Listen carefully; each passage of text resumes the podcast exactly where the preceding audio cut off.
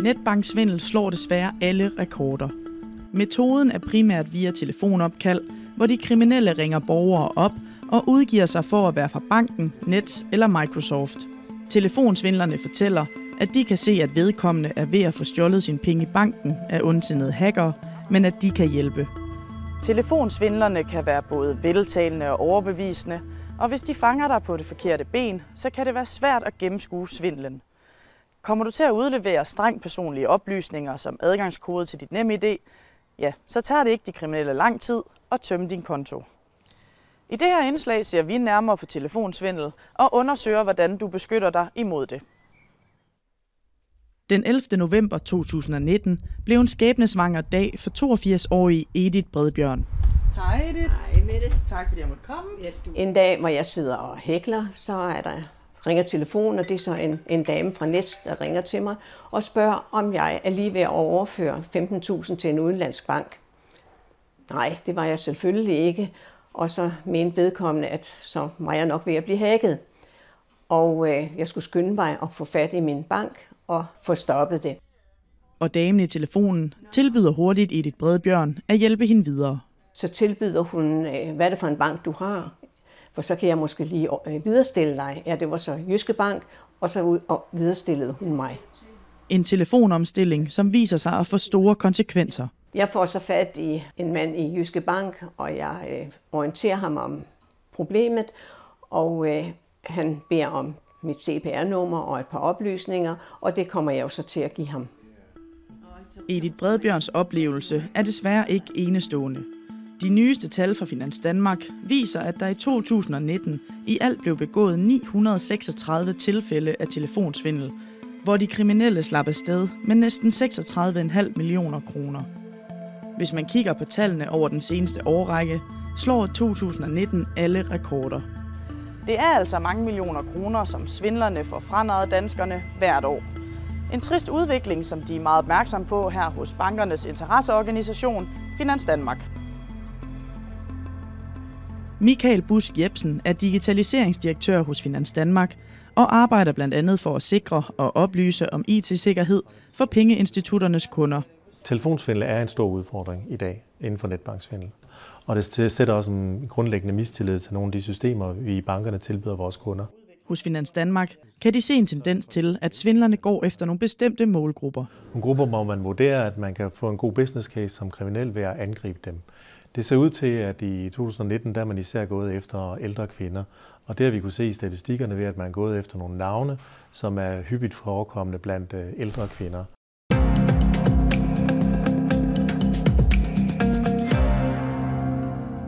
Desværre lykkedes det svindlerne at få lukket strengt personlige oplysninger ud af Edith Bredbjørn. Mens jeg taler i telefon med Jyske Bank, så kommer min datter ind, og, og jeg prøver på at tysse hende, altså sige, at hun skal tige stille, for jeg taler med, med Jyske Bank, de er ved at hjælpe mig. Og nej, siger Karen, det der, det er ikke Jyske Bank, det er en svindler, du har fat i. Og, og jeg skældte temmelig alvorligt ud på hende, fordi jeg var sikker på, at det var Jyske Bank, jeg talte med. Men øh, så blev røret lagt på. Efter at røret blev lagt på, ringede Edith Bredbjørn selv op til Jyske Bank og spurgte efter den person, hun lige havde talt med. Men han eksisterede ikke. Og først da blev jeg klar over, at det var en svindler. Og så skulle jeg have hjælp. Rådgiveren i Jyske Bank gør en chokerende opdagelse. Den rigtige bankmand han gik ind og kiggede på min konto og så, at der var allerede overført ca. 200.000 i lidt mindre beløb og skyndte sig at sætte et par kollegaer til at hjælpe med at se, om de kunne nå at bremse udbetalingerne. Men desværre, det var for sent. Svindlerne i telefonen var så overbevisende, at Edith Bredbjørn har svært ved at huske særlig meget fra opkaldet. De talte meget og forklarede en hel mængde, men fuldstændig som om, det var bankmanden, der forklarede mig det. Altså det er det, jeg husker. Det er det, jeg kan fornemme i, i det der foretagende. For ellers føler jeg, jeg ved slet ikke, hvor lang tid det har taget jo.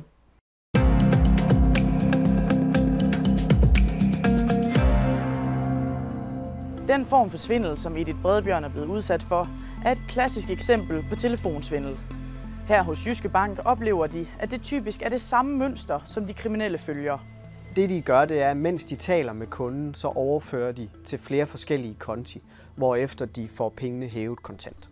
Thomas arbejder med forebyggelse af bedrageri i Jyske Bank, og han oplever, at de kriminelle enten overtaler, snyder eller betaler unge mennesker for at stille deres konto til rådighed. Det, der så sker, det er, at de derfra enten hæver pengene kontant i automat, eller viderefører pengene til andre konti, hvorfra der så bliver hævet kontant.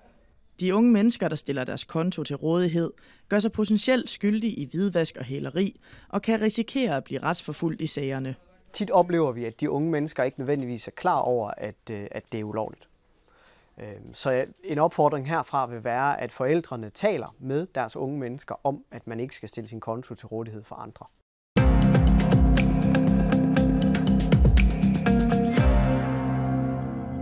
Som forbruger er der især én ting, man altid skal være opmærksom på. Hvis man for eksempel bliver kontaktet af nogen, der begynder på et tidspunkt i samtalen at tale om nem idé osv., så skal man være på vagt. Men det kræver selvfølgelig også, at øh, politiet for eksempel er opmærksom på det og kommer efter øh, de kriminelle, der benytter sig af de her metoder. Og igen betyder, det også, at øh, vi som banker skal hele tiden blive bedre til at imødegå den her type ting, måske med nogle tekniske modforanstaltninger. Hvis du bliver udsat for telefonsvindel, bliver du typisk ringet op og bedt om dit brugernavn og adgangskoder til dit NemID. Hvis du udleverer dem, så svarer det jo til, at du i den fysiske verden udleverer øh, din husnøgle til dit hus. Det kunne du aldrig finde på at gøre til en vild fremmed person. Banker, andre private virksomheder eller offentlige institutioner vil aldrig bede om at få din NemID adgangskode. Det er din adgangskode. Du skal og må ikke udlevere den. Er du i tvivl om, hvem der ringer, så få personens fulde navn og ring til et nummer, du selv finder, til den virksomhed eller organisation, de henvender sig fra. På den måde kan du være helt sikker på, at du ikke taler med en, der udgiver sig for at være noget, personen ikke er.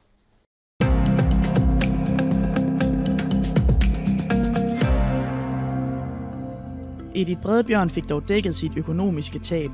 En beslutning, der altid er betinget af en konkret vurdering af hver enkelt sag. Efterfølgende, der talte jeg jo i nogle dage en hel del frem og tilbage med banken, og i den sidste ende af det, der endte det med, at de fortalte mig, at jeg ville få dækket mit tab. Og det var jeg jo utrolig glad for, for jeg havde jo indset, at jeg havde været dum. Og når man er det, så må man bøde for det. Men det er stadig svært for hende at forstå, at det kunne ske. For jeg har før det og efter det, har jeg altid underholdt andre med, at man absolut ikke måtte give nogen som helst oplysninger til et telefon, man ikke selv har ringet op til. Så ud fra det, der er jeg meget chokeret over, at jeg har kunne hoppe på den, og det har kunne lade sig gøre.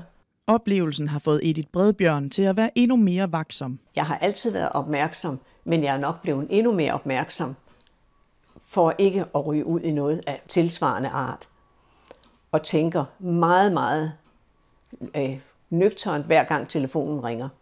Det er ikke kun en bekymring om det økonomiske tab, der kan påvirke folk, når de bliver udsat for svindel. Det kan også have store menneskelige omkostninger. Nogle bliver bange og angst for, for, for hvem der nu kan finde på at snyde dem på andre måder. Og i, i samfundet generelt oplever vi egentlig også, at der kan være meget skam forbundet med at, at tale om, at man er blevet snydt. For os er det i hvert fald vigtigt at holde fokus på, at de er ofre for organiseret kriminalitet. Det er utrolig vigtigt, at vi tør tale om det i samfundet, og at øh, vi taler med vores pårørende, vi taler med vores øh, ældre familiemedlemmer. Men det handler også om at se det, det andet perspektiv og tale med de unge mennesker, som jo er en del af det her, fordi de stiller deres konto til rådighed for de kriminelle. Edith Bredbjørn har dog valgt at bruge sin oplevelse til at advare andre, så de forhåbentlig ikke kommer ud for det samme. Jeg har netop brugt det til at fortælle, hvor dum jeg har været, og det må I ikke være.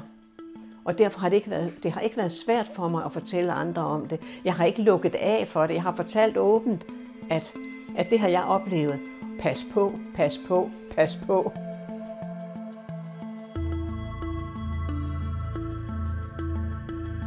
Sådan forhindrer du digital bankrøveri. Ved at følge disse tre enkle råd, kan du undgå bankrøveriet i din stue. Oplys aldrig nem ID-koder til andre. Det er kun svindlere, der beder om den slags. Gem nøglekortet væk. Tænk på nøglekortet som nøglen til dit hjem. Den vil du aldrig lade ligge fremme til fri afbenyttelse. Brug NemID nøgleappen. Hent NemID nøgleappen til din smartphone eller tablet. På den måde vil du altid blive oplyst, når dit NemID er ved at blive brugt. Hvis uheldet er ude, så kontakt straks dit pengeinstitut. Hvis du har mistet dit nøglekort, så skal du skynde dig at få det spærret. Har du været udsat for en kriminel handling, skal du anmelde det til politiet.